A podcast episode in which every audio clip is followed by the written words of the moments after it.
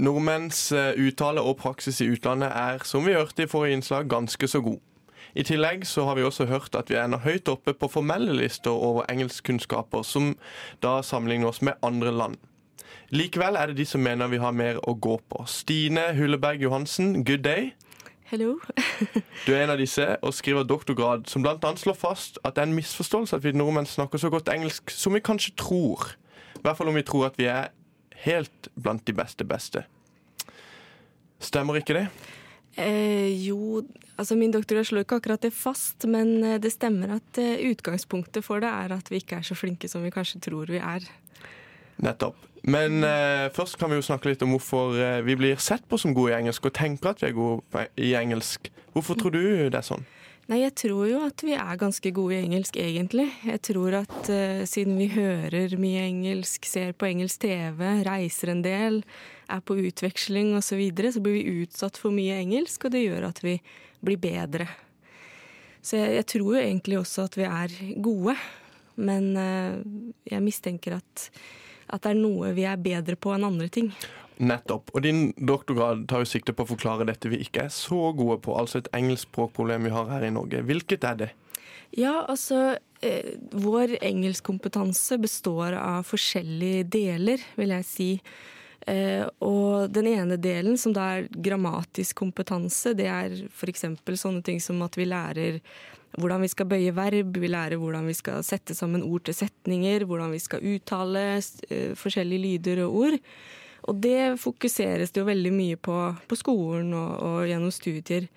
Men det vi kanskje ikke er fullt så gode på, er det her med pragmatisk kompetanse, som er å si riktig ting i riktig situasjon. Så, så, det er der jeg tenker at vi er gode på det ene, men kanskje ikke fullt så gode på det andre. Og da er vi gode på det grammatiske? Ja, så vi snakker på en måte korrekt engelsk og kan mange ord og kan uttrykke oss på en, en god måte.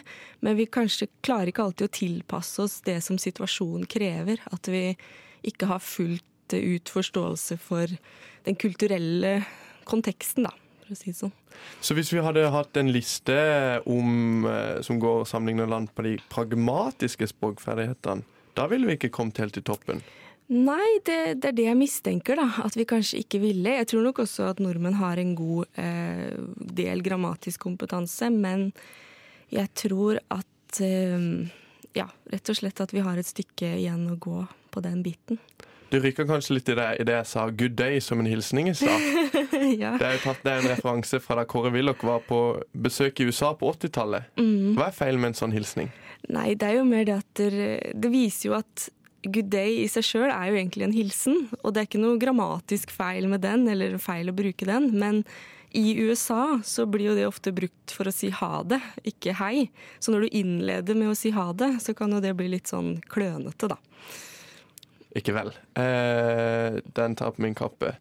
Du sier det, Dette er jo viktig eh, i mange sammenhenger, mener du, ikke sant? Ja. Hvilke sammenhenger er det da snakk om? Nei, altså vi kan jo lese ofte i avisa om at eh, norske bedrifter taper store kontrakter eh, i næringslivet pga. dårlig engelsk. Og det tror jeg kanskje har noe med det her å gjøre, da. At vi framstår kanskje som mer direkte, mindre høflig enn det vi kanskje burde. Fordi vi ja, ikke har helt den pragmatiske kompetansen inne.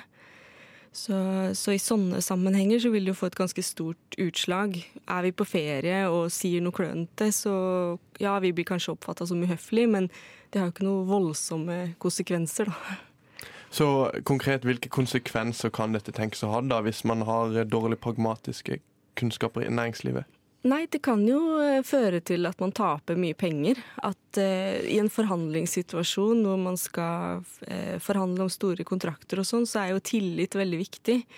Og det er klart at man får kanskje ikke like stor tillit til noen som ja, framstår som kanskje litt uhøflige og frekke, og, eller sier ting som gjør at stemningen blir litt sånn usikker. Så det er det jeg frykter, da. At det kan ha, ha noe med det å gjøre. Frykter du også at det kan vise seg på andre ting enn næringslivet? Kanskje f.eks. departementer og sånt? Ja, det kan jo det. absolutt. Eh, kan, altså, sånn I diplomatiet så tenker jeg at der er det jo mange mennesker som har også den kulturelle kompetansen som trengs. Så jeg er kanskje ikke så bekymra for det, men, men for eh, eh, andre ansatte i departementet så kanskje. Ja. Mm. For eh, hvordan eh, Hvis ikke man får det f.eks. på skolen, da. Mm. En pragmatisk forståelse. Hvor kan man da få tak i dette? For det er vel ikke i populærkulturen? Jo, delvis, men, eh, men, da får man jo også bare sett én side av det. da. Altså populær, hvis man ser på en TV-serie, så man, oppfatter man jo hvordan man snakker i litt sånn dagligdagse situasjoner, kanskje. Men det er ikke alltid at det egner seg på jobb. Sånn at uh, hvis man Det aller beste hadde kanskje nok vært å dratt til et engelskspråklig land og opplevd det. Men det er jo kanskje ikke så lett. Eller så kunne man kanskje fokusert litt mer på det i en opplæringssituasjon da, på skolen. Uansett så hjelper det med mer bevissthet rundt det. Tusen takk, Stine Huleberg Johansen, for at du kom hit, og fortsatt god skriving med doktorgraden. Takk for det. Vi i Opplysningen gleder oss til å lese